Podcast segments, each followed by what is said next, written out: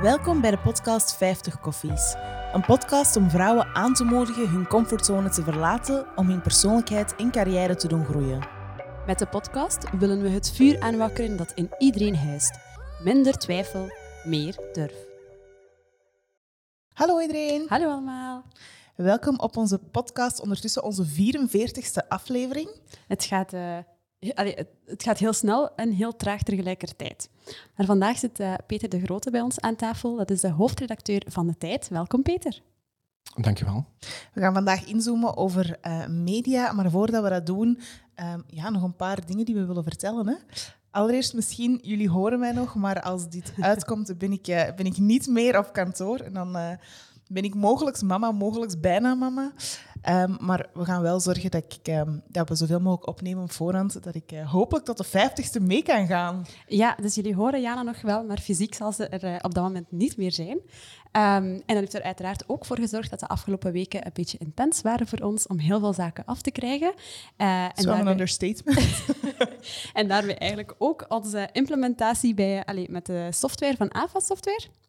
Het is een uitdaging om uh, alles getest te krijgen en dat ook volledig te implementeren, maar we zijn er dus wel volop mee bezig en uh, daar houden we jullie ook gewoon uh, helemaal over op de hoogte. Ja, absoluut. En ook onze verhuis komt steeds dichterbij, dus daar zijn we ook mee bezig. We zijn iets superleuk aan het plannen om, om de verhuis concreet te maken en om jullie daar ook in mee te nemen achter de schermen.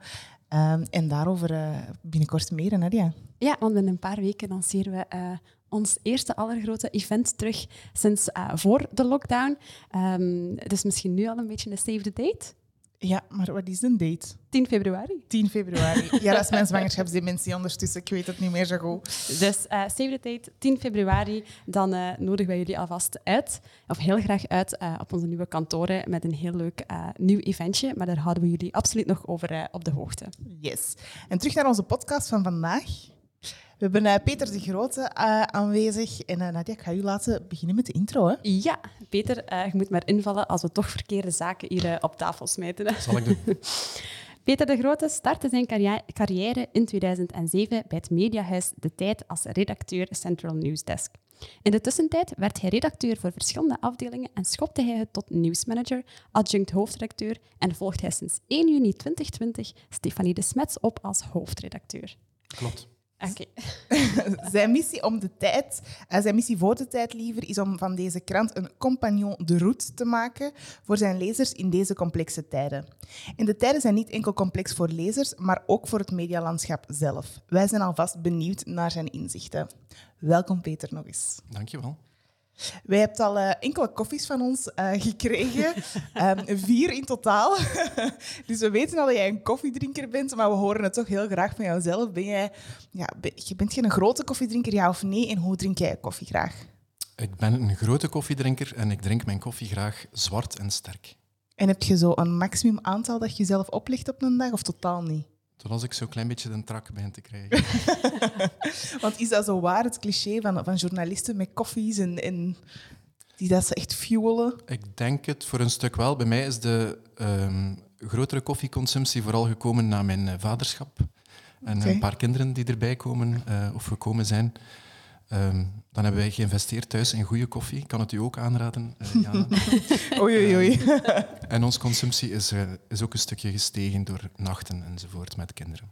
Ah ja, oké. Okay. Oké, okay, het is een beetje gelijk... Uh, allee, of het typisch wat de mama's zeggen. Na mijn kinderen ben ik maar echt koffie beginnen drinken. En mijn man drinkt al tien espresso's op een dag. Dus, uh, nee, dat, dat, gaan er, dat gaan er straks twintig. nee, Peter, wij kennen elkaar al eventjes en we zijn eigenlijk ook al een paar keer op de koffie geweest um, met elkaar. Nu, onze luisteraars kennen jou helemaal niet, dus misschien even tof om van jou te horen. Wie ben jij? Wat doe jij? Um, ik ben een 37-jarige man. Um, ik woon in Gent. Ik ben getrouwd. ik heb twee kinderen. Ik ben afkomstig uit de Vlaamse Ardennen. Oeh. Um, ja, dat is, ik kan heel veel vertellen, maar welke richting wil je uit? Gewoon tof voor de mensen om uh, iets anders te weten, allee, of iets anders te weten te komen. Je zo een hobby jou. of zo, iets dat je doet naast schrijven of naast, u, allee, naast het beslissen wat er in de krant komt? Ik ben heel veel met mijn werk bezig, is het teleurstellende antwoord misschien. um, ik ben een grote voetbalfan, ja. uh, een trouwe supporter van AA Gent. Oké. Okay. Um, is bekend bij een deel van de mensen, denk ik. Ehm, en ik probeer genoeg te sporten om in balans te blijven. En, is... fris te blijven in mijn hoofd. Mm. Is het moeilijk om die balans dan een beetje te houden tussen... Uh... Dat is zeker moeilijk. Ik ben van nature een heel enthousiaste, gedreven mens die de neiging heeft om heel hard te gaan. En uh, niet altijd de remmen te bewaken, maar ik word daar beter in met ouder te worden en meer ervaring te krijgen. Uh, maar het blijft een oefening. Ja. En, sport helpt. Geweldig. En heb je dan zo sporten die je graag doet? Of is het dan gewoon fitness? Of... Redelijk boring, lopen, fietsen. en veel wandelen, heb ik ook al begrepen. Hè? En stappen in de vakantie. En stappen. Ah ja, echt veel stappen in de vakantie. Ja. Um, en dan je carrière. Je, je, bent, uh, je hebt journalistiek gestudeerd en je hebt eigenlijk heel je carrière doorgebracht al bij De Tijd. Ja, gewoon direct van het begin gebeten? Of is dat gewoon dat je dacht, goh, ik ga dat proberen en ik zit er nog altijd in en het was die stof? Of was dat echt zo'n childhood dream die je zo najaagde? Het eerlijke antwoord is dat er geen childhood dream was. er was heel veel childhood vertwijfeling. Um, ik heb eigenlijk nooit geweten wat ik moest doen. Ik ben van nature altijd wel heel nieuwsgierig geweest um, en heel benieuwd naar de wereld en actua en nieuws enzovoort. Uh, maar nooit gedacht van ik ga dat zelf later neerschrijven of ik ga zelf later een krant maken. Laat staan dat ik aan het hoofd zou staan van een redactie. um, ik ben eigenlijk een paar vrienden gevolgd na mijn universitaire studies. Ik heb talen gestudeerd, Nederlands en Engels. Um, ik had nog geen zin om te werken. Uh, ik ben een paar vrienden gevolgd richting de journalistieke opleiding in Brussel aan de Erasmus Hogeschool. Um, en vandaar bij de tijd terechtgekomen. Eigenlijk ook een beetje per toeval. Ja, want waar, dat was dan mijn volgende vraag. Waarom de tijd dan? Um, het was 2007. Het waren toen al complexe tijden voor de media en niet altijd makkelijke jaren voor alle titels. Um, maar de tijd groeide op dat moment sterk online. Um, ik wilde heel graag werk. Ik had geen zin om een werkloze, uh, geschoolde jonge man te zijn en dan maanden te moeten zoeken of met freelance mm. bezig te zijn. Um, dus ik dacht, ik ga mij daar gooien bij de tijd en ik zie daar een gat en ik hoop dat daar een gat is en daar bleek ook een gat te zijn. Dus ik heb drie maanden stage gedaan bij de tijd en ik ben altijd blijven hangen. Tot mijn grote tevredenheid. Oké, en als je dan al zo lang bij de tijd werkt, heb je dan eigenlijk gaandeweg niet heel veel um, aanbiedingen gekregen, misschien van andere mediaplatformen die dat zeiden, hey, Peter? um, er zijn aanbiedingen geweest, maar ik, er, ik heb die nooit interessant genoeg gevonden om, om een andere stap um, te doen. Af en toe wel over nagedacht natuurlijk. Ik ben ondertussen denk ik 14 jaar bij de tijd. Dat, is al even. Dat is ook niet altijd een rechte lijn geweest of ook niet altijd even happy geweest, maar er zijn momenten dat je twijfelt of dat je denkt van moet ik iets anders doen. Mm -hmm. maar het project van de tijd is altijd weer goed gekomen voor mij en uh, voilà, ik ben er nog altijd. Ja, en ik veronderstel dat misschien dan nog eventjes zal zijn in de positie die dat je nu inneemt. Wel, ik mag het hopen. Nu, toen je in 2020 die uh, rol ingenomen hebt als hoofdredacteur, um, heb je eigenlijk dat omschreven als dat je met je krant een compagnon de route wilt zijn voor de mensen. Leg eens uit, wat bedoel je daarmee? Um, ik denk dat de tijd een geweldige... Ik heb, altijd, ik heb de tijd een geweldige krant leren vinden, hè, door er 14 jaar te zitten en die krant beter te leren kennen. Um, ik vind dat wij een geweldig ernstige, goede fond hebben. Um, maar de tijd kan volgens mij nog nodiger zijn voor zijn lezers. En ik denk dat die behoefte, hoe groter dat je die behoefte maakt bij meer mensen, ja, hoe meer lezers dat je in principe zou moeten krijgen. Um, en vroeger, ik weet nog, de oude reclames slingeren altijd uh, bij ons rond op kantoor over de tijd. En dat was de, de krant voor de zakenman in de jaren 90. Mm -hmm. um, en dat is later de ondernemer geworden enzovoort. En ik ben niet de man van de grote verbreding, maar ik denk wel dat, het veel, dat de tijd veel breder is dan puur ondernemers op zich. Ik denk dat er gewoon heel veel mensen met uh, initiatief ondernemen in de brede zin uh, bezig zijn. En voor die mensen moeten wij belangrijk zijn. En voor een stukje is dat de nieuwsfunctie. Hè. Je zit op de eerste rij, wat gebeurt er en inzicht in de wereld. Um, maar ook hoe ontwikkel ik mij, hoe ontwikkel ik mijn bedrijf, um, hoe neem ik het beste initiatief, mhm. hoe vind ik mijn baan in een complexe wereld. En ik denk als we die behoeften op een juiste manier invullen, dat wij nog belangrijker kunnen worden en dat we nog meer lezers kunnen krijgen. En we zijn daar ook volop mee bezig.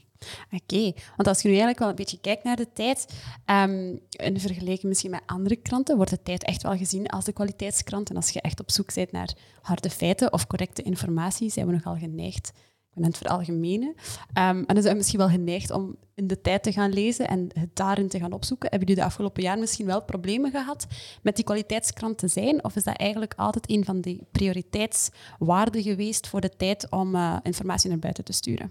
ik denk dat wij daar geen probleem mee gehad hebben of hebben. Integendeel, ik denk dat onze kwaliteitsimago ehm, de basis is van alles. We proberen dat ook te bewaken, hè, die correctheid en die feitelijkheid en die zakelijkheid, dan vooral zakelijkheid in de zin van nuchterheid. Uh, niet te veel franjes, maar zorgen dat het klopt boven alles. Ik denk dat dat onze sterkste propositie is. Um, waar dat wij wel nog altijd voelbaar mee worstelen, is het imago van je bent zakelijk en nuchter en feitelijk en een kwaliteitskrant. Maar oei, oei, het is nog altijd de financieel-economische tijd voor sommige mensen.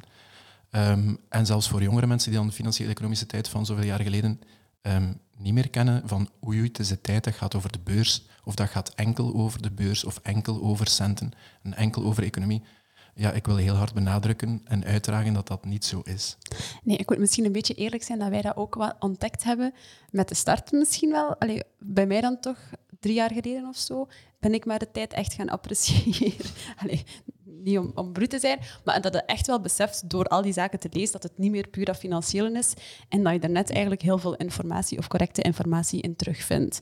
En eigenlijk door onze 50 Koffies podcast, hè, als wij een vooronderzoek deden voor onze gasten, dan, kwamen, dan waren dan zo de meest um, waardevolle artikels achter jullie paywall van de tijd. en dan dachten we, ja, dan gaan we ons maar abonneren. Ik denk dat dat veel, zeer veelzeggend is. En een keer als mensen over de drempel zijn, ontdekken ze Mhm. wat voor een waarde wij hebben. De uitdaging is natuurlijk om die drempel zo laag mogelijk te maken en ervoor te zorgen dat mensen dat automatisch in de gaten krijgen. Zonder dat ze ergens een barrière voelen van oei, oei, dat gaat hier te ernstig zijn voor mij. En is dat jullie grootste uitdaging om mensen over die drempel dan te krijgen? Ik denk de grootste uitdaging is voor een stuk au fond bewaken wat dat je zei. Een heel goede, nuchtere, feitelijke zakenkrant. Het moet altijd juist blijven. Ik denk dat dat het, het belangrijkste is. Als je daar begint op op toe te geven, dan, dan maakt dat alles kapot. Mhm. Ehm, dus wij willen gewoon de beste inhoudelijk zijn. En daarnaast is de uitdaging, ja, je wilt altijd groeien en je wilt, je wilt meer mhm. mensen bereiken. Ja, dan moeten we uiteraard oog hebben voor, is onze drempel niet te hoog? Um, hoe perciperen mensen ons? Hoe mhm. kunnen we ook jongere mensen bereiken? Ehm, maar de fond blijft altijd, het, het, moet juist zijn. Ja. Want in, in een maatschappij ondertussen waar clickbait dat soort dingen toch wel belangrijk zijn. Jullie zijn de nuchtere krant. Ja, ik denk dat dat een moeilijke, of, of ik vul het misschien in, is dat een moeilijke overweging om dan van die sensatie weg te blijven, zoals anderen? Um, ik denk dat de meeste mensen bij ons op de redactie dat heel goed doorhebben van wat dat ons onderscheidt. Um, ik denk dat de uitdaging is um, van, van niet te veel links te laten liggen. En er zijn een hoop maatschappelijke debatten uh, die belangrijk zijn, maar moeilijk te vatten zijn in harde feiten of harde cijfers, um, waar dat wij ook naar kijken. Ik denk, vroeger hebben we heel veel debatten links laten liggen omdat je ze ergens niet kon kwantificeren. Um, zoals bijvoorbeeld het hele, de hele woke-discussie. Ik denk, uh tien jaar geleden hadden we daar niet over geschreven. Um, nu doen we dat wel. dus dat is niet echt de sensatie-uitdaging. Het is vooral de uitdaging om één, ernstig en feitelijk genoeg te zijn en twee, breed, maar niet te breed. Mhm. En je wilt geen fedivers in de krant, maar je wilt wel... En je wilt ook geen steekvlamdebatjes in de krant, maar je wilt wel mee zijn met wat er leeft in de samenleving. En mensen die ondernemen en initiatief nemen en een baan zoeken, de, de, de ondernemende mensen in brede zin, die is daar ook mee bezig. Die mhm. vraagt zich ook af van die hele woke-discussie, wat moet ik daar nu van denken? Um, ik denk dat we ook voor die mensen een belangrijke functie hebben om daar ergens inhoudelijk aan tegemoet te komen. Mhm. Ja, um, en met die kwaliteitskrant te zijn, of allee, en te willen zijn, gaat natuurlijk ook een grote verantwoordelijkheid in mee. Welke verantwoordelijkheid vind jij dat misschien gewoon algemeen de krant heeft in de maatschappij? Um, ik zal niet in de plaats van andere titels spreken. Het is natuurlijk een heel andere zaak als je een populair medium bent versus een iets meer niche mhm. kwaliteitskrant. Um, zoals, zoals wij. Ik denk dat het laatste nieuws dat anders invult um, dan de tijd. Ik heb heel, heel respect voor het laatste nieuws, voor alle duidelijkheid. Ik vind dat zij vaak heel goed werk doen. Ehm, maar de verantwoordelijkheid, ja, ik denk dat dat toch ergens ook in die feitelijkheid zit, welke titel je ook bent. Ehm, en, en niet mee te gaan in een hele meningenoorlog of, of af te wijken van wat er nu eigenlijk klopt. Ehm, en, en ik zie niet alle titels dat even goed doen of even goed bewaken. En ik denk als je meezet in die hele stroom van um, meninkjes en feiten die eigenlijk geen feiten zijn als je er even goed over, mhm. over doordenkt, dat je je lezers een, een rad voor de ogen draait en jezelf als titel geen, geen gunst doet of dat je nu een populaire krant bent of een, of een minder populaire krant of een ernstige zakenkrant. Ik denk dat die feitelijkheid altijd uh, de basis is en ergens een betrouwbaarheid. En ik denk als je inlevert als sector op die betrouwbaarheid, dan ondergraafde, dan ondergraafde alles. Mm En dan, je hebt het dan over die meningen die dan inderdaad overal opkomen. Mhm. En dat is uh, ook een heel hot topic over wat moet er gebeuren met al die reacties op artikels. En, en zeker als je kijkt naar het social media gebeuren. Nu, jullie bij de tijd hebben daar naar onze ondervinding, denk ik, een beetje minder last van. Dat er eigenlijk massaal wordt, of negatief wordt gereageerd vergeleken met andere comments op andere mediakanalen. Hoe zit dat bij de tijd? Krijgen jullie heel veel reacties of negatieve reacties op bepaalde artikels die dat jullie dan wel online zetten? Wij krijgen daar ook af en toe extreme reacties op. Ehm, soms extreem positieve reacties, soms extreem negatieve reacties. Toch? Ja. En af en toe staat er ook gewoon, ik denk, we moeten daar eerlijk in zijn, onzin um, in bepaalde, bepaalde commentaren. Al moet je daar voorzichtig mee zijn met die titel. Hè. Wat, wat, is onzin? Ja, wat is onzin? Ehm, maar af en toe is het ook gewoon echt niet zinvol. Dus wij proberen die discussie zoveel mogelijk uh, in goede banen te leiden. We hebben daar bepaalde standaarden voor intern, van wat kan er en wat kan er niet. En er wordt dan heel makkelijk gesproken over oei, en de media censureren ons. Um, maar wij zijn daar wel ernstig mee bezig. Het is mhm. niet omdat je een afwijkende mening hebt dat die um, niet bij ons thuis hoort op de site. Um, het, het, gaat vooral eigenlijk om een beetje etiketten en beleefdheid. En wat, ja. eruit, wat eruit vliegt is, is gescheld en, en en racisme en, en echt schandalig extremisme. Ja, haatdragende. Ja, ja. Mm voilà. Maar het doet er eigenlijk niet toe of dat dan nu iemand is eh, die aan de linkerkant van het politieke spectrum zit of de rechterkant. Als het maar een beetje onderbouwd is, zoals jullie krant zelf gemocht voilà, En wij, wij proberen ook zelf in interactie te gaan met onze lezers, met chats en met uh, discussies en webinars. Ja, want ik, we hebben gekeken, um, in, in, jullie eigen krant stond er um, een artikel over jullie vernieuwde aanpak, waarin jullie niet alleen de compagnon de route willen zijn, maar ook echt een filter op de ruis uh, willen zijn. Zeker als het op fake news um, aankomt dan. Mm -hmm. Is, hoe pakken jullie dat dan aan? Uh, ja, die filter, dat is eigenlijk het verlengstuk van die hele betrouwbaarheid waar ik het over mm -hmm. Ja, intern zeggen wij een beetje een bullshitfilter. De tijd moet een grote bullshitfilter zijn. Hè. Als je he hebt heel levendige discussies, genre nu in, in het energiedebat en, en de prijzen mhm. die omhoog mhm. gaan. Wij proberen heel veel te kwantificeren en op zijn merites, echt op zijn merites te beoordelen van hoe komen dingen en onze lezers uit te leggen van kijk, die gasprijzen bijvoorbeeld, die, die nu heel hot zijn, die stijgen geweldig. Um, maar hoe is het gekomen dat die factuur in elkaar zit, um, zoals dat ze in elkaar zit? Um, en die filterfunctie is voor een stuk ja, van heel, heel feitelijk, hè, als ik dan het, het voorbeeld van die energiefactuur geef, kijken, wat staat daarop? Um, mm -hmm. Wat zijn belastingen, wat zijn heffingen, wat is echte energiekost?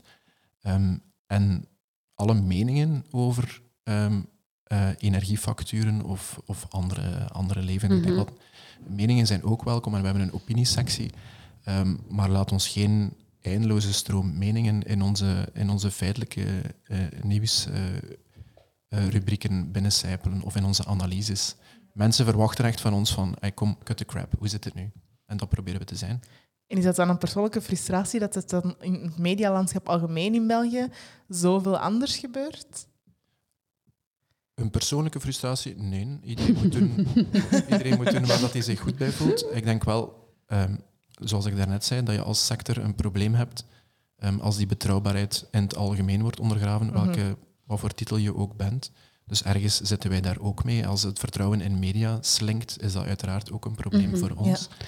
Uh, maar het is ergens ook een kans. Uh, wij proberen de betrouwbaarste, de nuchterste, de feitelijkste, mm -hmm. de meest mm -hmm. juiste te zijn.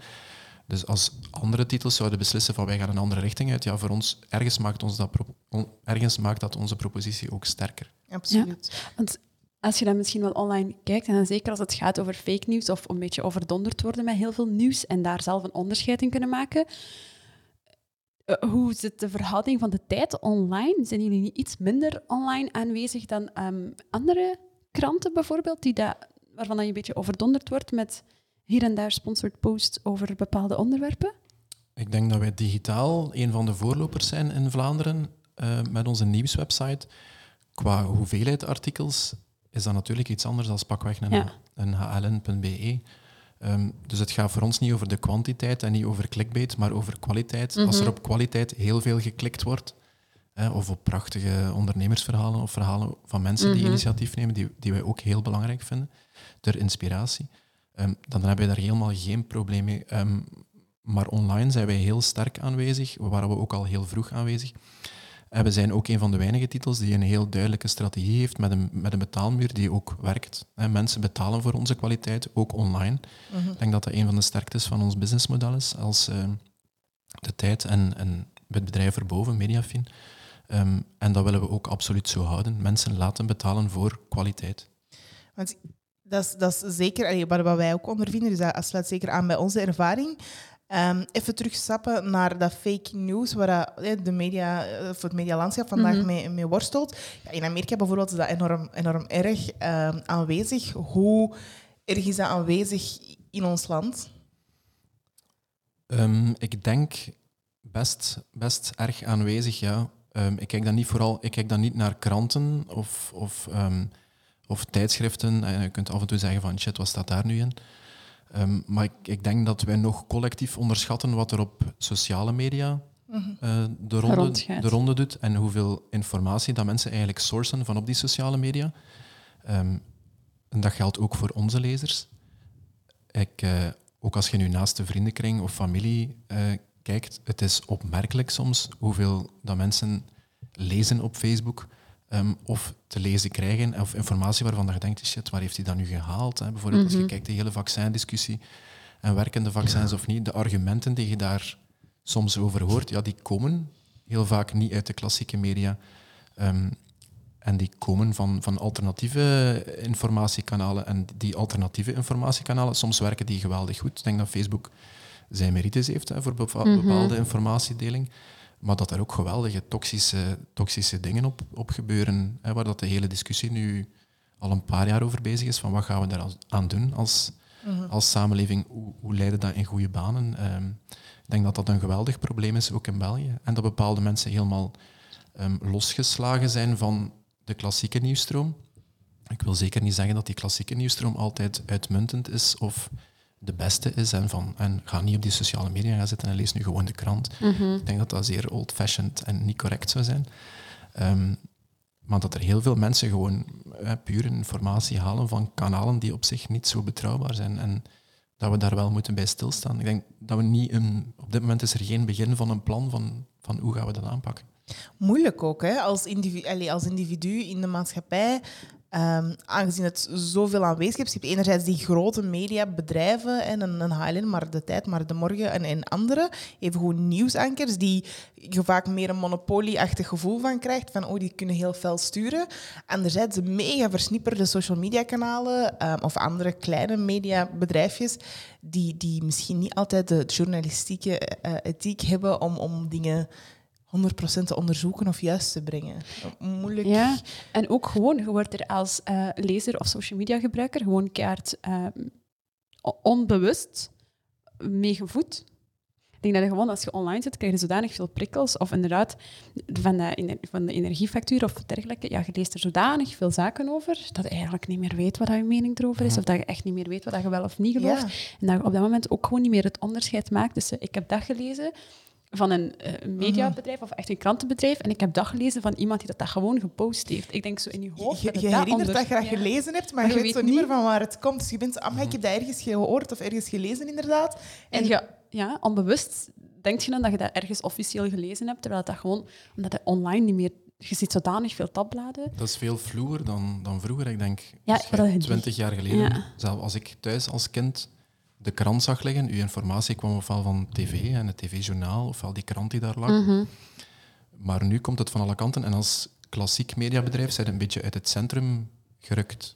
Ja, Ehm, en dat maakt het wat uitdagender en, en minder comfortabel. En omdat mensen gewoon aan heel veel kanten, alleen langs heel veel kanten informatie binnentrekken. En dat je een groep jonge mensen hebt die ook, waar je van denkt, oké, ooit zouden dat idealiter gewoon lezers van de tijd worden of van een andere krant.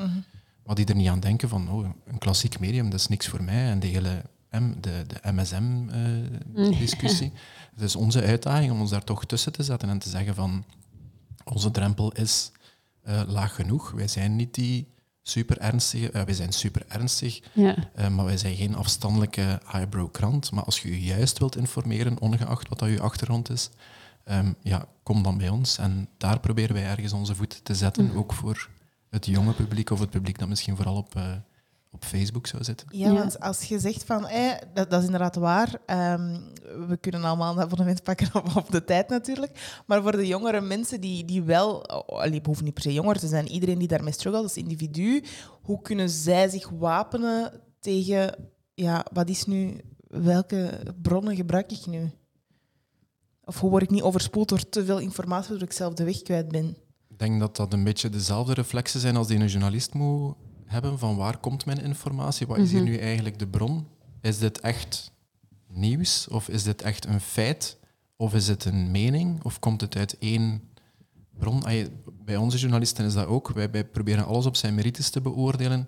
Mhm. van, van klopt het? En die oefening vertrekt bijna altijd van, van waar komt het bericht en hoe, zijn we, hoe zeker zijn we dat het iets echt of iets wezenlijks is? En is het gecheckt? En moeten we het zelf nog checken? De dingen die bij ons in de krant komen, ehm, die zijn juist. We zijn daar niet perfect in, maar wij proberen het altijd juist te doen. Maar ik denk gewoon als nieuwsconsument dat je altijd kunt kijken van is het nu de mening van één man of één vrouw? Um, of komt het uit één bepaalde hoek? En wat zou dan de bedoeling kunnen zijn? Het is gewoon een beetje een, een, kritisch, een kritische reflex die je kunt hebben als mhm. mens als nieuwsconsument, als, als lid van de samenleving. En nu ben ik wel heel benieuwd. Um, misschien een heel antwoord dat iedereen weet, behalve ik, maar hoe gebeurt dat juist, die fact-checking dan bij jullie? Um, ik denk dat dat vertrekt van expertise. De mensen die wij over politiek laten schrijven, um, hebben echt expertise en kennen hun vak. Dus wij, wij willen gewoon de grootste experten in hun domein, journalistiek, aan boord hebben bij de tijd. Als wij schrijven over energie of, of over mhm. technologie, ehm, of over politiek of bepaalde maatschappelijke ontwikkelingen, dan willen wij ervoor zorgen. Het is ons streefdoel om daarvoor te zorgen dat dat geschreven wordt door mensen die weten waarover ze spreken.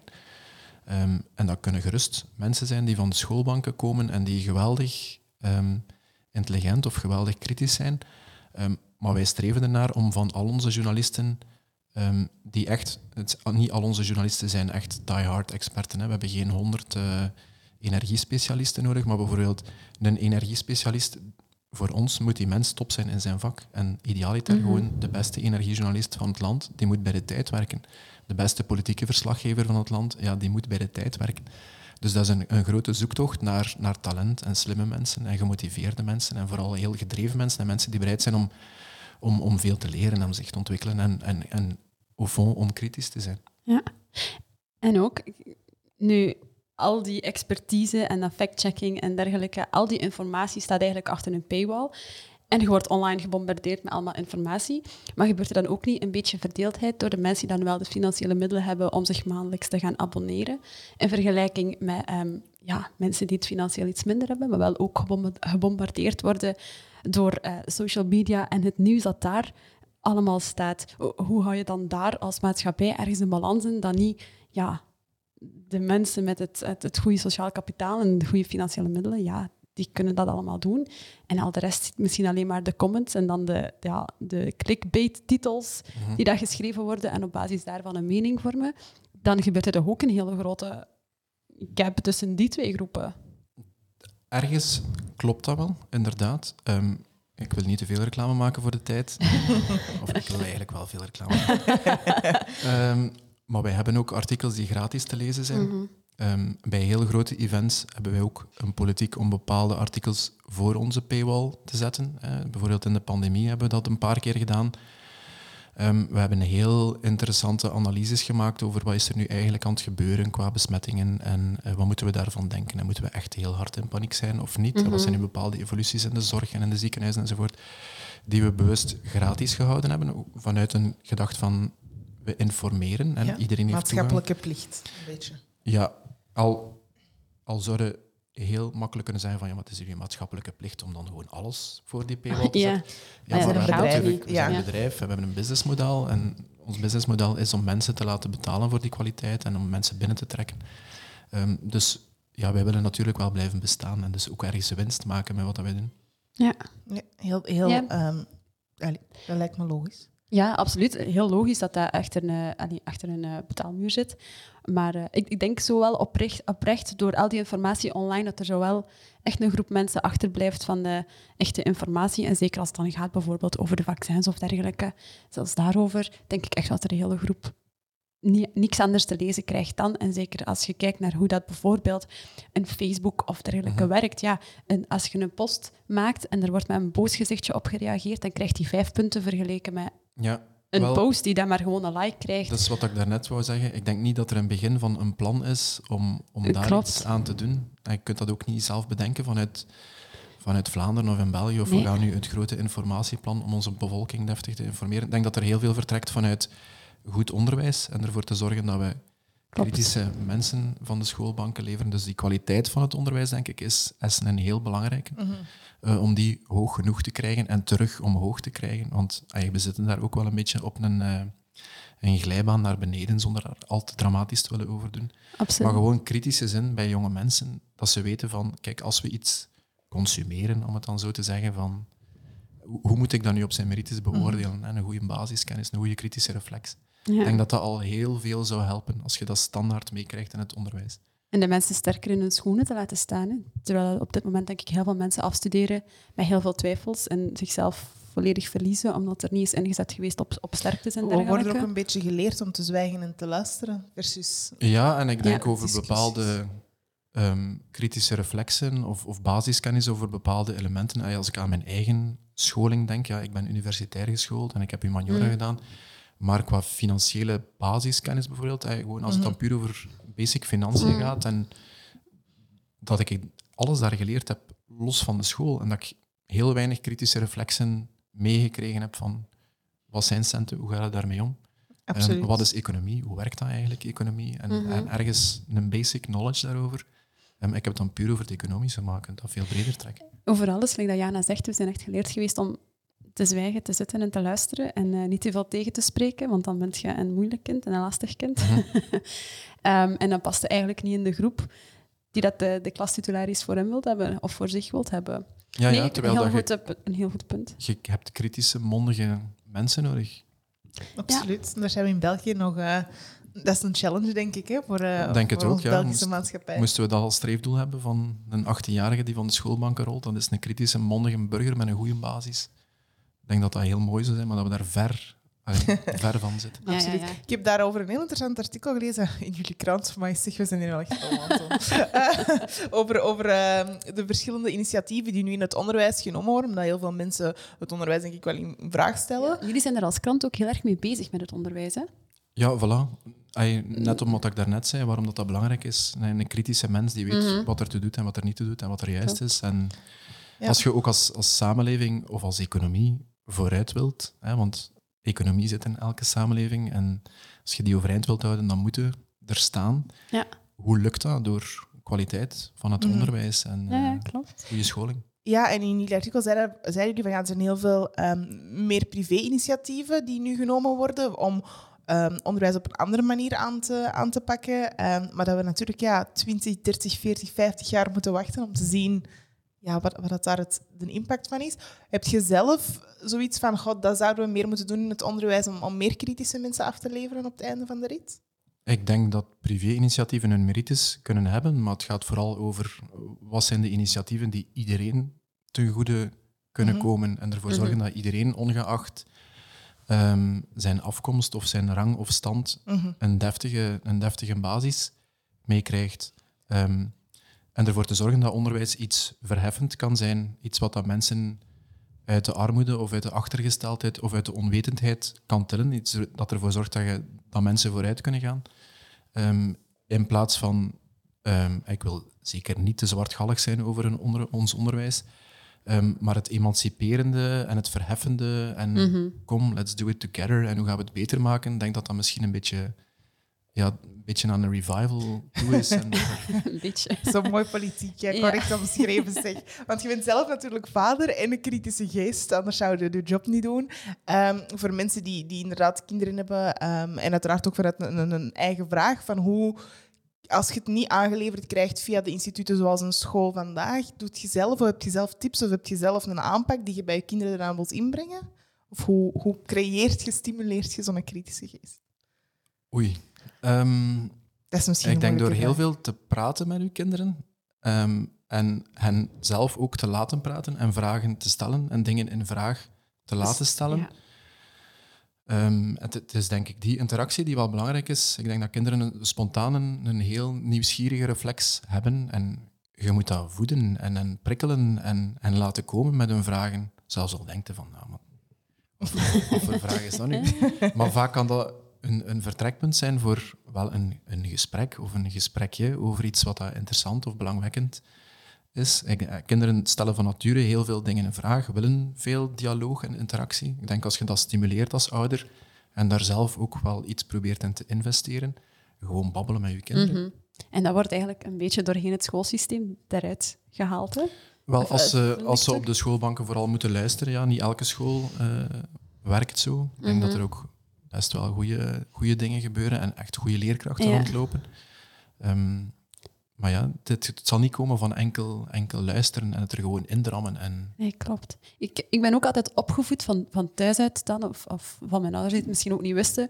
Maar als in alles wat op school verteld werd en gedaan werd, dat was juist en dat was correct. En bij, bij ons was dat ook wel zo. De leerkrachten weten het wel beter. En wat zij vertellen is wel juiste informatie. Mhm. Ik heb nooit, ik denk zelfs tot voor onze podcast, zoveel dingen in vraag gesteld. Maar ik heb altijd naar school geweest met de gedachte, alles wat die leerkrachten mij vertellen is juist. En dan studeerden ze af en dan worden nu vrienden leerkrachten. En dan weten dan die zo mega zatten op al die feestjes staan en de maandag les te gaan geven. Dan denk ik, oh my god, mm dat zijn dus ook mijn leerkrachten geweest. Ik heb ergens ook nog zo de oldschool reflex meegekregen van dingen zijn zo, omdat ik zeg dat ze zo zijn. Ja, oh, verschrikkelijk. Mijn vader is een geweldige mens. Um, maar heeft dat vroeger ook vaak gezegd van, ik heb gelijk, waarom? Omdat ik gelijk heb. Ja, de waarom daarom. Wel, soms wilde ik er een conversatie afsnijden. Je hebt niet altijd tijd om uitgebreid te babbelen met je kinderen enzovoort. Of veel energie om uh, erin veel, te vliegen. Of, veel energie. En af en toe moeten we gewoon een keer doordoen. Maar dingen zijn niet zo omdat iemand zegt dat ze zo zijn. Je moet dat toch altijd ergens proberen uitleggen en Ah, ja, mijn, ouders hadden daar zelf een heel grote aversie op, want die hadden zelf ouders die van de waarom daarom waren. Mhm. En uh, dat zat niet in mijn opvoeding. Dus helemaal, die zeiden ook, prima, oké, dat is een standpunt van uw leerkracht. Wij denken daar anders over. Bij mij wel. En zo echt ook zo de overheid en de politie en alles wat dat, um, of de gemeente, of alles wat dat zo officiële allee, diensten zijn, instanties zijn, ja, dat is echt, dat is allemaal waarheid.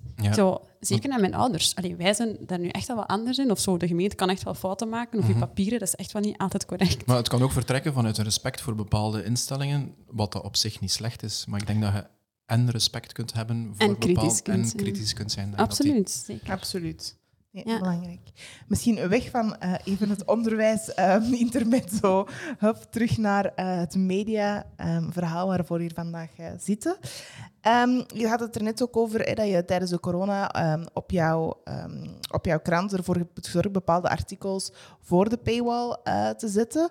Want in corona is er wel wat dingen veranderd. Hè? ook voor kranten, kwaliteitsvolle kranten dan voornamelijk, die hebben heel hard in de lift gezeten, toch? Of? Ik denk dat er heel veel titels een boost gekregen hebben, niet enkel kwaliteitskranten. Uh, mensen hadden plots ook gewoon meer tijd om te mhm. lezen, omdat ze gedwongen thuis zaten of gedwongen in, in lockdown zaten.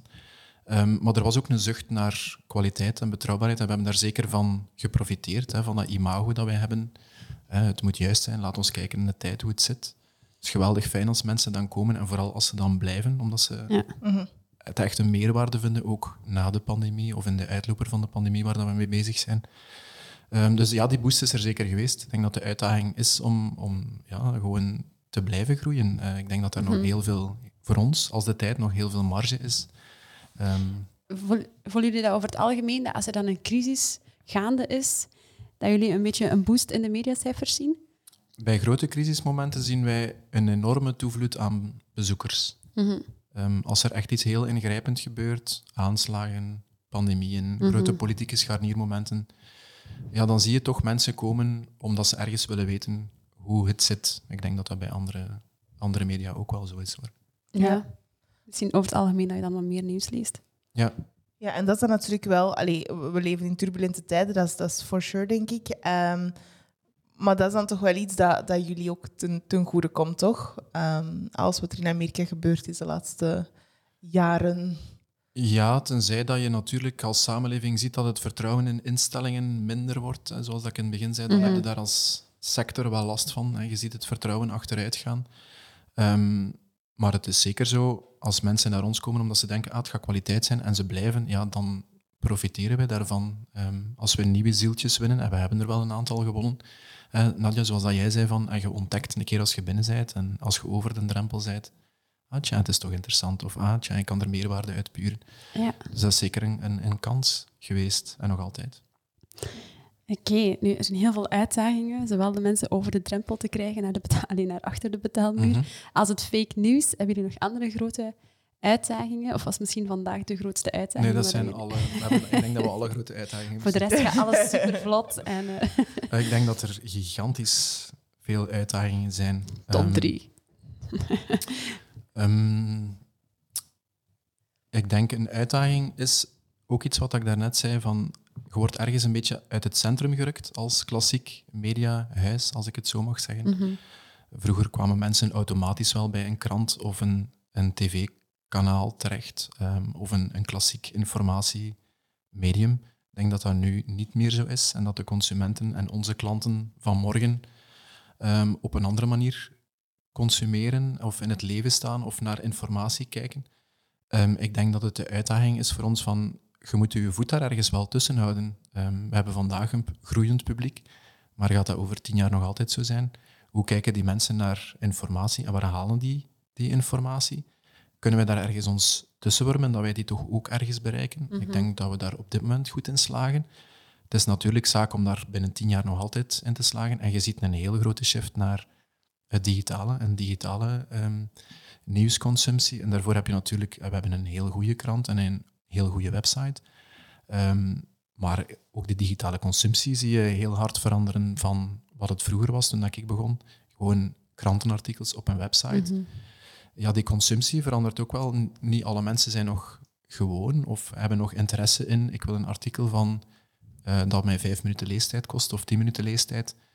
Um, ja, bij sommigen gaat dat achteruit, of die willen, die willen video, of die willen meer snackable content, mhm. om het met een zeer irritante term um, te zeggen. En hoe gaat je die op een kwaliteitsvolle manier bedienen? En hoe gaat je ervoor zorgen dat je ja, in, je in je platform, om die mensen te bereiken, genoeg kunt investeren enzovoort?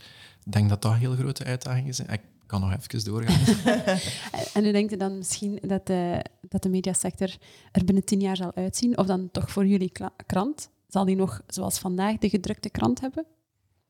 Ik denk dat er nog altijd een gedrukte krant zal zijn, ja. Er zal nog altijd een gedrukte tijd zijn binnen Ik denk het eigenlijk ook wel. Er is uh, onderzoek naar gedaan hè, dat de geloofwaardigheid van kranten uh, rechtstreeks gelinkt is uh, of dat ze gedrukt is of niet. Ja, we, hebben ook een achteruitgang gezien bij de tijd van puur de papieren consumptie en mhm. leesgedrag op papier en de verkoop van. Um, en dat is voor de pandemie al ergens gestopt. Dus we hebben een boost gehad door corona. Um, maar je ziet ergens wel dat er een, een trouwe schare mensen blijft en ergens ook bijkomt. Van mensen die ergens naar papier gaan als een soort rustmoment, als een soort digitale detox. Ehm, en ook in het weekend hebben, hebben we een heel sterke, allez, hebben we een heel goed draaiende weekendkrant. Ehm, ja, op papier, dat zal misschien de laatste papieren krant zijn die blijft bestaan, die mhm. weekendkrant. Ik weet niet of er binnen tien jaar geen papieren weekkrant meer zijn, maar ik denk dat de kans groter is Ehm, dat er nog een papieren weekendkrant is. Ehm, maar die weekendkrant heeft een heel trouwe aanhang. Mensen, en, en die consumptie, ik zie dat ook bij jonge mensen die onze krant lezen, of jonge studenten, ja, die houden wel van nog wat papier in het weekend. En dat is helemaal niet... Het is zo'n charme, zo'n beetje retro, met een koffietje erbij. En je wilt ook, eh, als je, al de hele, als je al de hele week achter je scherm gezeten hebt... Wilde daar van weg, hè? Wilde daar soms wel van weg. En... Ik heb ook zo'n beetje het gevoel dat dat zo'n stap naar volwassenheid is. De dag dat je zo echt een papieren krant begint te lezen. ik, zal dat, ik zal dat beamen. Ja, want je zegt het zelf. Hè. Het is belangrijk om, om een voet nog altijd uh, tussen de deur te hebben. Um, zeker binnen een veranderend uh, medialandschap. Um, want ja, vandaag door YouTube en andere social media wel veel aankaarten, zijn er ongelooflijk veel spelers uh, op de markt die ja, zichzelf dopen tot mediamakers um, of tot, tot nieuwsbrengers of uh, wat dan mm -hmm. ook.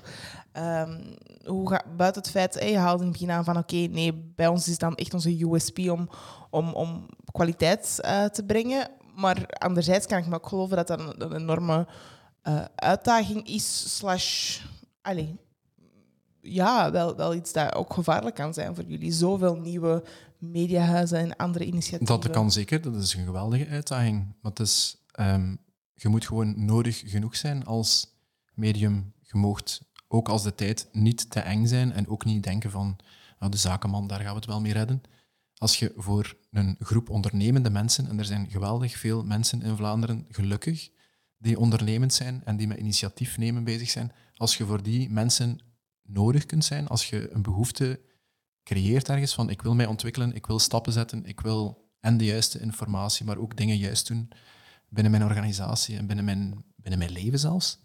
Wij worden geen, geen lifestyleblad of zo, maar mensen zijn wel bezig met hun carrière um, en met persoonlijke ontwikkeling. Ik denk dat we op, op dat vlak ook wel ergens aan een behoefte kunnen voldoen om te zeggen van het zit zo en niet zo. Mm -hmm. En houden jullie het dan in doog? Allee, al die kleinere... Um wij houden dat zeer nauwlettend in, in, de, in de, gaten. En, en, soms, ja, je zit daar met een grote benieuwdheid naar te kijken, want het komt soms uit ja, een, een heel klein bottom-up initiatief, maar er zijn ook grote spelers die zich ontwikkelen richting meer nieuwsmedia. Of mm -hmm. um, je hebt bijvoorbeeld een KBC um, of andere banken die ook heel hard bezig zijn met ik heb een app en hoe, hoe zorg ik ervoor dat er een dagelijkse gewoonte komt dat mensen naar die app komen en moet ik daar nieuws op steken. Um, ja. En iedereen wil een beetje het, het centrale platform zijn. Hè, de hele Tencent-gedachte die, uh, uh, van, die vanuit China komt. Um, maar ergens moeten we een afspraak hebben met mensen en ergens een behoefte creëren dat mensen toch op je platform heel regelmatig terechtkomen. En ze gaan pas betalen, of blijven betalen, denk ik, als ze het gevoel hebben van shit, ik heb, ik heb nu echt dit nodig om, om er te staan. Op welke manier dan ook. Ja, en ook gewoon als we het hebben over die grote platformen en zo, ja, hoe minder applicaties dat we nodig hebben en hoe meer one-stop shops er bestaan, hoe aantrekkelijker het gewoon wordt voor iedereen. Hè? Want ja, we worden overdonderd met alles en nog wat. En het is gewoon moeilijk om nu te gaan kiezen en daar een onderscheid in te gaan maken. Het is ook moeilijk om te voorspellen waar dat, dat naartoe gaat. Als je binnen tien jaar, als je zegt van verschillende applicaties en overdonderd. En wij zijn een klein mediabedrijf op dit moment. Um, een groeiend, gezond mediabedrijf. Maar hoe gaan we ons daartussen positioneren mm -hmm. um, en ervoor zorgen dat ze binnen tien jaar nog altijd denken van ah, de tijd op mijn gsm, daar wil ik naartoe. Ja. Um, of de tijd in de krantenwinkel, maakt niet uit. Want hoe zit het met de doelgroep vandaag van de tijd? Hoe ziet die eruit? Ik denk dat dat een beetje gelijk loopt met andere um, titels in het Vlaamse krantenlandschap. die is een, een veertiger. bij ons is dat een... Uh, hoogopgeleide man. Ik denk dat wij iets meer mannen hebben um, in ons lezerspubliek um, dan andere kranten. Maar ik denk dat dat voor de rest vrij gelijk loopt. Um, maar dat is, ja, wij willen absoluut die veertiger, die hoogopgeleide man blijven bedienen. maar wij kijken ook heel hard van, en wat is die twintiger aan toen? En hoe kan die twintiger uh, de tijd nodig hebben en die dertiger?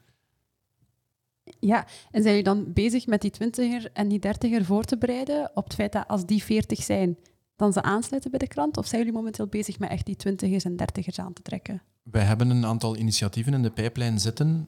Uh, een soort verbreding van ons aanbod. Hè. We, zijn met, we hebben een podcast, uh, zelf een podcastbedrijf opgestart, uh, waar dat bepaalde content gaat uit voortkomen. Um, die ook effectief bedoeld is om, om een nieuw publiek aan te spreken uh, en waarmee dat we willen tonen van kijk eens hoe interessant de tijd is en hoe nodig de tijd kan zijn, ook voor een twintiger of voor een dertiger. Mm um, je hebt een heel levendige beleggerscommunity. Um, toen ik bij de tijd begon, ik heb zelf een paar jaar op de redactie beleggen gezeten.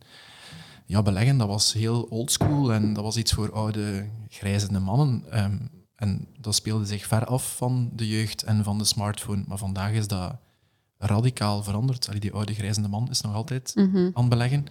Um, maar tieners en twintigers Um, die, mhm. de hele Robin Hood-generatie, ja, daar kijken wij ook naar en die gaan wij ook bedienen en straks meer bedienen, omdat we mhm. weten van, die kijken wel naar ons als een kwaliteitsmedium. We zijn ook met die mensen in gesprek gegaan van wat verwachten jullie van ons? En ook, ook daar zitten wel wat initiatieven in de pijplijn uh, ja, om die mensen gewoon goed te bedienen, om daar te staan als de tijd. Ja, want als we ook even heel eerlijk zijn, we hebben dat ook al een keer off the records gezegd tegen Peter, maar dat we nogal vonden dat de tijd dat oude witte grijze man imago heeft. en dan misschien wel ja, de, allee, grotendeels van de, van de, de lezers mhm. van de tijd zijn ook wel echt um, ja, de witte man ja. van de 40, dus, allee, tussen de 40 en de 50 denk ik dan. Hoe gaan jullie daarmee om? Hoe gaan jullie met die diversiteit om? Of, of hoe zien jullie die doelgroep dan? Of hoe ehm, zien jullie die misschien evolueren? Wel, als je puur kijkt man-vrouw, dat vinden we al een, een, Als je de tijd op automatische piloot laat lopen, zie je heel veel mannen in pak de krant binnensluipen. Hè, want we schrijven nog altijd voor een groot deel over het zakenleven en wie trekt daar aan de touwtjes mm en who's calling the shots. Dat zijn vaak mannen. Hè. We hebben vorig weekend ehm, zelf een, een, nummer gebracht rond de directiekamer van ons lands belangrijkste bedrijven, die voor meer dan uh, eh, 95% dacht ik, wit en, uh, of blank uh, en mannelijk is. Um, dus wij besteden daar, ik denk dat het intern met, met de cheffen begint van heb aandacht, ergens toch een beetje dat er niet automatisch dat het een krant vol mannen wordt. Um, dat het niet automatisch een krant vol vijftigers wordt. Het is niet dat wij quota hebben van er moeten zoveel vrouwen in staan, maar het is wel een aandachtspunt um, om ervoor te zorgen dat er een zekere herkenbaarheid is. Als een, als een vrouw de tijd neemt, dat ze niet denkt van, Jezus, het is mhm. een krant voor oude mannen. Um, nee, klopt. Wat is dit dan met de redactie? Um, ik denk dat de redactie, ja, de redactie is, uh, is, is overwegend mannelijk. Er zijn wel een hoop vrouwen bijgekomen, gelukkig. En we hebben, we hebben geen quota om, als we een mhm. nieuwe aanwerving doen, uh, om te zeggen van, en nu komen er alleen nog maar vrouwen in.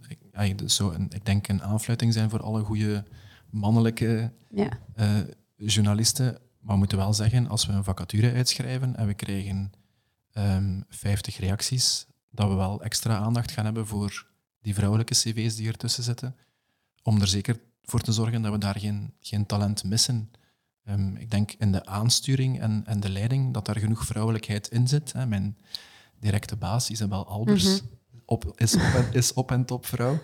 Um, onze directie uh, van, van Mediafin is ook uh, goed bemand met vrouwen. Um, maar het begint ja, met ergens genoeg diversiteit, genoeg verschillende blikken, um, genoeg verschillende standpunten. En je hebt het dan over man-vrouw, maar je hebt het ook over uh, het niet en achtergrond. Ik denk dat onze uitdaging daar nog veel groter is dan het man-vrouw uh, ja, Want hoe komt dat nu dat dat in dat medialandschap zo moeilijk blijkt te zijn? We hebben nu al een paar gesprekken gehad en we ondervinden gewoon dat iedereen dat bij ons hier aan tafel zit zegt het is een uitdaging, we weten nog niet goed wat we moeten doen, maar de, de, ze willen het wel allemaal graag. Mhm. En er is wel een heel goed bedoelde, we zijn al op zoek naar die mensen, maar we vinden die niet. Waarom is dat zo moeilijk? Waarom, is dat zo moeilijk? waarom vinden jullie dat zo moeilijk? Ik denk dat heel veel vertrekt van de oldschool methodes om mensen of nieuw personeel te vinden. En je schrijft een vacature uit, wie komt erop af? Ehm, via welke kanalen schrijf die vacature uit? Uh, wat zijn uw vereisten qua scholing? Ehm, ik denk dat dat een uitdaging is, omdat je daar automatisch, denk ik, een bepaald publiek bereikt en dat een ander publiek gewoon via andere kanalen bereikt moet worden. En ik denk dat dat de worsteling is van welke kanalen zijn dat dan? En die zijn een stuk vloer dan eh, je schrijft een vacature uit en je post die op je sociale media of je zet die op je website. Um, dat is een stuk vloer en dat is een stuk informeler. Um, ik denk dat er ook een, een, deel van het probleem in de journalistieke opleiding zit, dat die gewoon met dezelfde uitdaging worstelen als wij. Hè. Hoe, bereik, hoe zorgen we dat mhm. mensen journalist willen worden? Um, die trekken ook voornamelijk jonge mannen aan en jonge blanke mannen. En heel veel van die jonge blanke mannen komen vervolgens, als ze een opleiding afgerond hebben, solliciteren bij ons. Ja. Dus het hangt allemaal een beetje aan elkaar. Um, maar het, het, eerlijke antwoord is dat wij er um, ja, ondermaats op scoren op dit moment. Ik zal enkel voor, voor de tijd spreken. Ehm, dat daar heel veel goede bedoelingen zijn. Ehm, dat ik zelf daar wel probeer in te investeren. En vooral ook in informele contacten. Uh, dat waar dat je vroeger enkel contact zou hebben met het opleidingshoofd van die hogeschool. Ja, ik probeer heel breed te kijken van waar zit er gewoon talent en waar zitten er jonge kritische mensen. En Ehm, vooral ergens de boodschap uit te dragen. Ik zal het bij deze ook doen. Dat je lang geen journalistieke scholing moet hebben om een goede journalist te worden. Ehm, je moet niet universitair geschoold zijn. Ehm, het, mhm. het, helpt soms wel. Maar niet alle universitair gescholden zijn goede journalisten. En het is zeker geen vereiste om bij ons binnen te komen. Als je gedreven bent en ergens een beetje kunt schrijven en met je voeten in de wereld bent, uh, staat en goesting hebt om, om je tanden ergens in te zetten, dan iedereen mag bij mij komen aankloppen. Mhm. En moet zich niet gehinderd voelen van oei, ik heb, die een, ik heb die een graad niet, of ik heb die scholing niet bereikt, of ik kom niet vandaar, of ik ben helemaal niet universitair. I don't care. En hoe belangrijk is dan misschien het netwerk van mensen zoals jij, die daar wel in mhm. die hoofdposities zitten, hoe belangrijk is het netwerk eigenlijk van die persoon zelf? Want het is uiteraard zo dat u omringt met mensen die daar gewoon kaart op u lijken. En als grotendeels van de mensen daar aan het hoofd um, witte mannen zijn, dan trekt ze ook gewoon witte mannen aan. Zouden daar dan misschien die mensen veel meer moeite moeten doen om hun, of moeten doen om hun eigen netwerk uit te breiden en daar echt op zoek te gaan en echt op straat eigenlijk met de mensen te gaan praten die dan mogelijk die vacatures dan wel zouden kunnen invullen? Want het blijft toch ook de media blijft soms toch ook wel een beetje het ons kent ons verhaal. Ja. Zo, ah, ik ken die persoon, die heeft daar een expertise in. En dan op die manier komen toch heel veel mensen aan bod. Mhm. En als dus daar het netwerk beperkt is van de journalisten of van de mensen aan het hoofd, dan, dan mis je toch ook al een groot deel van de maatschappij. Ja, en, en als, als ik dan mijn eigen kritische blik mag uh, werpen. um, als, als ik zeg, voor de tijd is het superbelangrijk om... Ehm, om juiste, nauwkeurige informatie mhm. uh, te delen. Hoe, um, zeker in evolutie naar binnen tien jaar en zo, ook al ben je een journalist die het feitelijk houdt, het is nog altijd een, vanuit het vertrek vanuit een persoon die een bepaalde achtergrond heeft. Hoe juist correct nieuws kun je misschien leveren als je een heel gelijkaardige um, redactie hebt?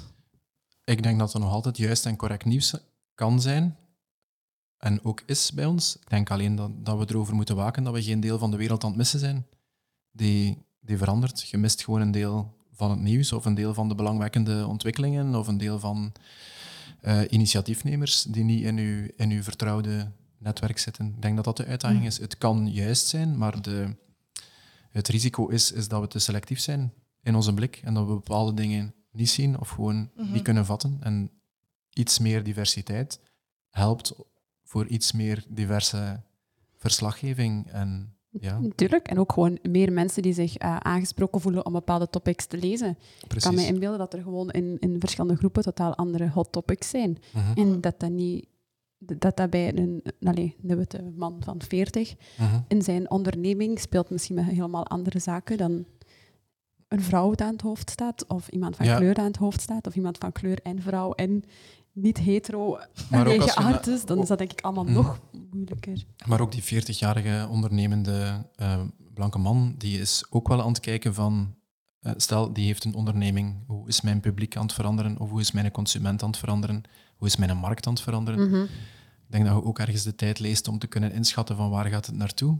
Ik denk mhm. dat dat heel belangrijk is. Van, en shit, het is een heel moeilijke, complexe wereld waar gaat hij straks naartoe en ergens wil een beetje voorsprong nemen op uw, op uw concurrenten en, en de dingen juist inschatten, ja, dan moeten we ook juist kunnen inschatten van ja, wie is mijn consument van morgen en voilà. Een interessante uitdaging nog uh, voor, het, voor, voor, jou als hoofdredacteur, maar even goed voor heel het medialandschap in, in Vlaanderen. Ja, en misschien zelfs niet alleen in Vlaanderen, ik weet gewoon... Ja, zeker. Na al de gesprekken die we hebben gehad, is het gewoon wel duidelijk dat er uh, heel veel goede bedoelingen zijn, maar dat het gewoon een hele, een hele grote uitdaging is, toch? Absoluut. Het ja. En ik denk dat we eerlijk moeten zijn en gewoon zeggen dat het op dit moment niet goed genoeg is. We kunnen zeggen van, ah, ik ben goed bezig en ik probeer wel en dit en dat. maar ik denk dat het voor ons allemaal, ik zal misschien wel een beetje in de plaats van andere mediagroepen, maar vooral in, in, in, naam van de tijd spreken, dat we daar gewoon beter moeten doen. En die intenties zijn ook wel echt. Ay, dus geen, Het is geen show die ik hier opvoer. Het is en, uh, misschien ook gewoon een leercurve die nu gewoon heel belangrijk wordt en die gewoon iets serieuzer genomen moet worden? Allee, waar we serieuzer Ik denk wel serieuzer moeten? moet genomen worden. Absoluut. Want ik denk dat nu misschien nog... Het het is nice to have. Mhm. Ik denk dat er voor heel veel bedrijven op dit moment zo... Een checklist. nice, ja, zo, het zou fijn zijn moesten we meer diverse mensen hebben, maar voorlopig werkt het wel zoals dat bezig is. Uh, maar ik denk wel oprecht dat dat binnen een paar jaar, of dat dat heel snel gaat veranderen. En dat er heel snel andere mediaplatformen zullen opkomen die dat daar wel op inspelen en dat er een veel groter deel van de, van de maatschappij op gaat springen, denk ik. Ik denk dat zo veel meer nood is dan dat veel mensen Absoluut. denken. Absoluut. En eh, ik denk dat het de time will tell hoe dat, dat zich gaat, gaat evolueren. En in tien jaar zitten we nog een keer aan tafel met de Peter. Ja, inderdaad. En dat brengt mij tot misschien wel onze laatste vraag van deze podcast. Je bent hoofdredacteur van, van De Tijd. Wij vroegen er net off-record van, ja, hè, wat doet je dan juist als job? Hoe ziet, u- hoe ziet hè, functie er dan juist uit? Ehm, maar wat zou je misschien nog wel willen doen in je carrière binnen De Tijd of daarbuiten ehm, de komende jaren? Goh. Ehm, Totaal geen idee is ook een antwoord.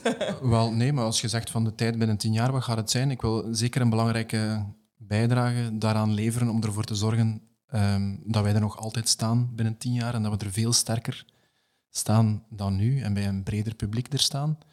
Ehm, ik, ik heb de, mijn hele carrière tot nog toe bij de tijd doorgebracht. Om- Op den duur geraakte ook een beetje vergroeid met dat medium. Hè. Je, voelt, je voelt wel een zeker ownership en een, en een fierheid en een trots. Ehm, dus ik wil, ja, ergens, je wilt dat overeind houden en je wilt, je wilt ervoor zorgen dat dat...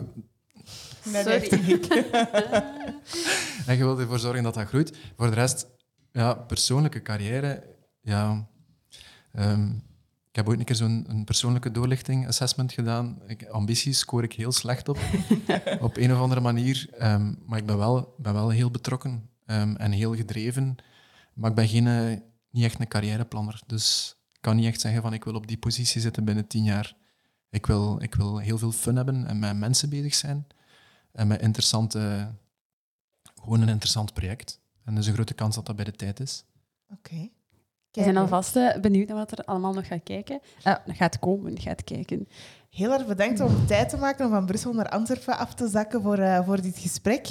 Ehm, het was ongelooflijk boeiend om ook jouw insteek te hebben over het thema media. En ehm, ja, wij kijken er naar uit om te zien hoe de tijd nog, nog zal evolueren. We zijn wel alvast fan van de tijd, dat moeten we wel zeggen. Moeten we wel zeggen, absoluut. En helemaal terecht. Trouwe lezers, trouwe lezers. Dikke, dikke merci om hier met ons eh, aan tafel te zitten. Met heel veel plezier. Tot ziens. Tot ziens, Dag. bye.